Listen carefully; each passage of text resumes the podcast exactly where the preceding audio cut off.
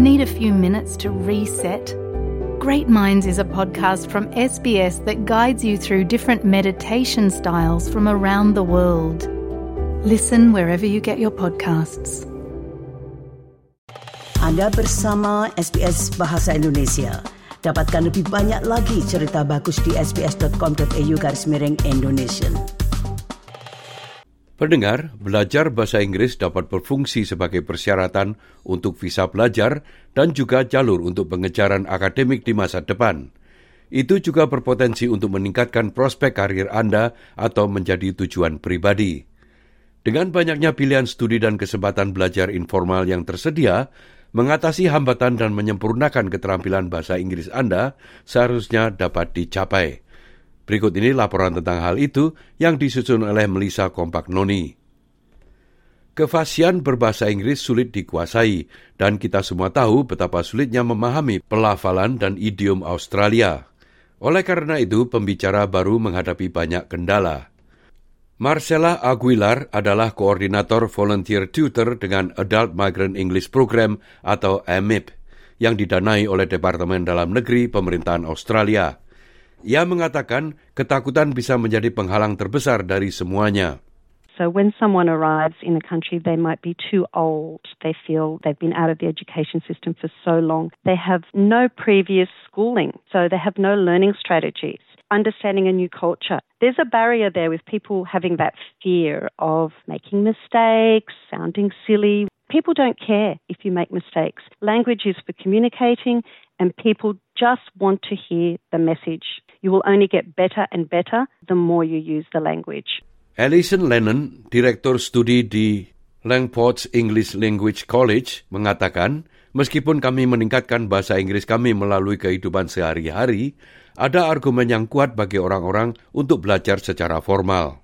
I think they get a much more solid foundation of English. They get a lot more confidence in their English to be able to go out and integrate into the daily life of Australia. I think just coming without any formalised English training, they're coming with bad habits, they're coming with low levels of English. Getting more of a formalised English training sets them up very well for future jobs, for future integration, and for future studies. Beberapa migran baru mungkin diminta untuk memberikan bukti kecakapan bahasa Inggris tergantung pada visa mereka.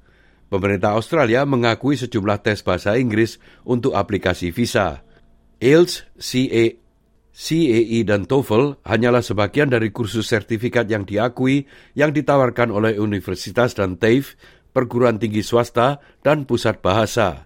Hester Mostert adalah instruktur bahasa Inggris. Ia mengatakan ketika dihadapkan dengan berbagai pilihan, memiliki pemahaman yang jelas tentang tujuan akhir Anda sangat penting. Once you've established why you want to study, how long you want to study, and how much your studies are going to cost, then you need to look at course options. For example, students who are here for travel and fun, you probably want to look at general English courses. Some students want to graduate at their universities back home, so they're looking at places that offer TOEIC and IELTS. For more long-term options, there are schools that offer pathway programs to TAFE or to universities. Terdapat persyaratan khusus bagi mereka yang memiliki visa pelajar. Misalnya, siswa harus terdaftar di sekolah bahasa dengan setidaknya 20 jam kelas tatap muka per minggu. Beberapa sekolah bahasa menawarkan program jalur di mana siswa belajar bahasa Inggris sebelum melanjutkan ke studi yang lebih lanjut. Kursus lain dirancang untuk membantu Anda mempersiapkan diri menghadapi tes kecakapan bahasa Inggris. Berikut ini penjelasan dari Alison Lennon. different countries require different certificates. For example, if they're looking at changing visas or going to university, a lot of them will need an IELTS certificate. So we will train them in IELTS so that they have the techniques and skills to be able to sit that IELTS test. The Cambridge certificates, a lot of European countries require that English certificate to go back to their country and into their universities or be promoted within their industries. And the Asian countries usually require the TOEIC certificate. Di Australia, program bahasa Inggris migran dewasa atau AMAP yang dikelola pemerintah membantu migran dewasa dan pendatang kemanusiaan untuk meningkatkan keterampilan bahasa Inggris mereka. Sebagai bagian dari skema Volunteer Tutor AMAP, Marcela Aguilar dengan hati-hati mencocokkan peserta dengan para tutor itu.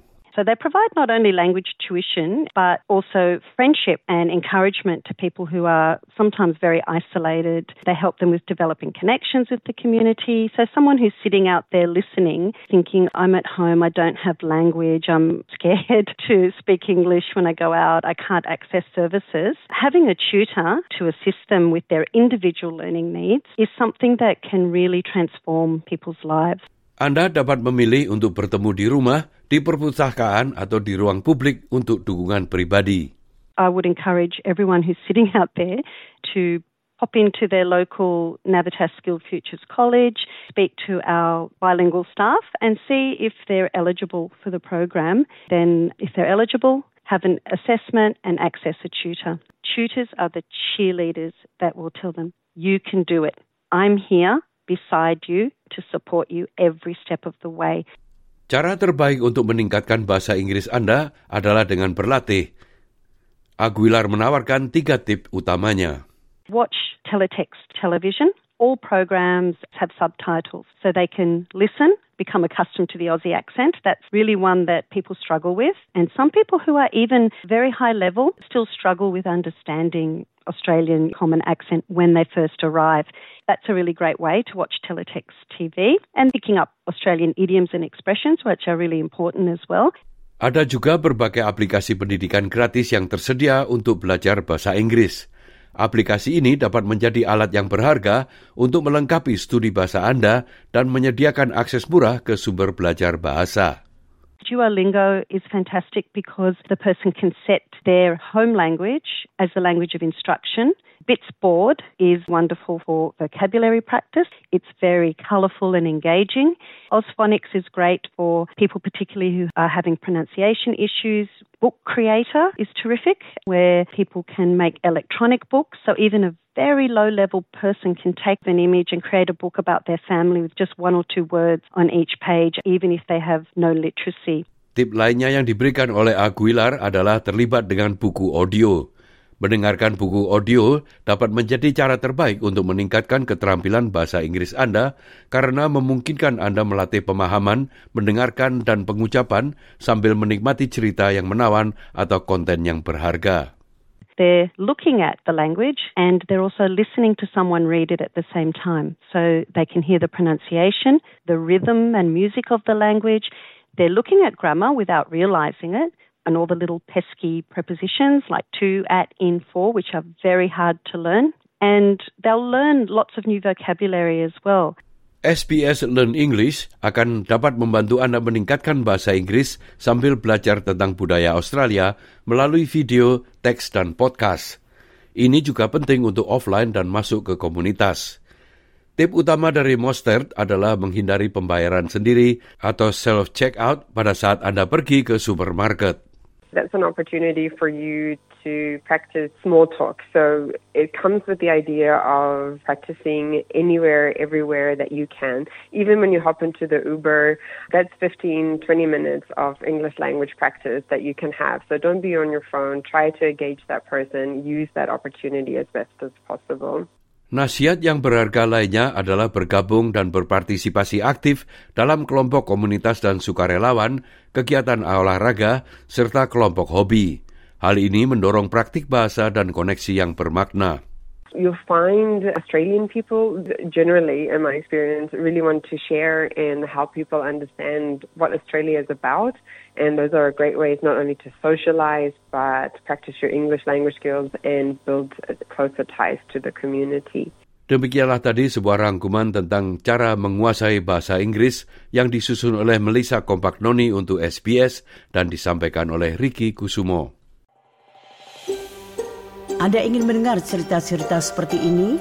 Dengarkan di Apple Podcast, Google Podcast, Spotify, atau di mana pun Anda mendapatkan podcast Anda.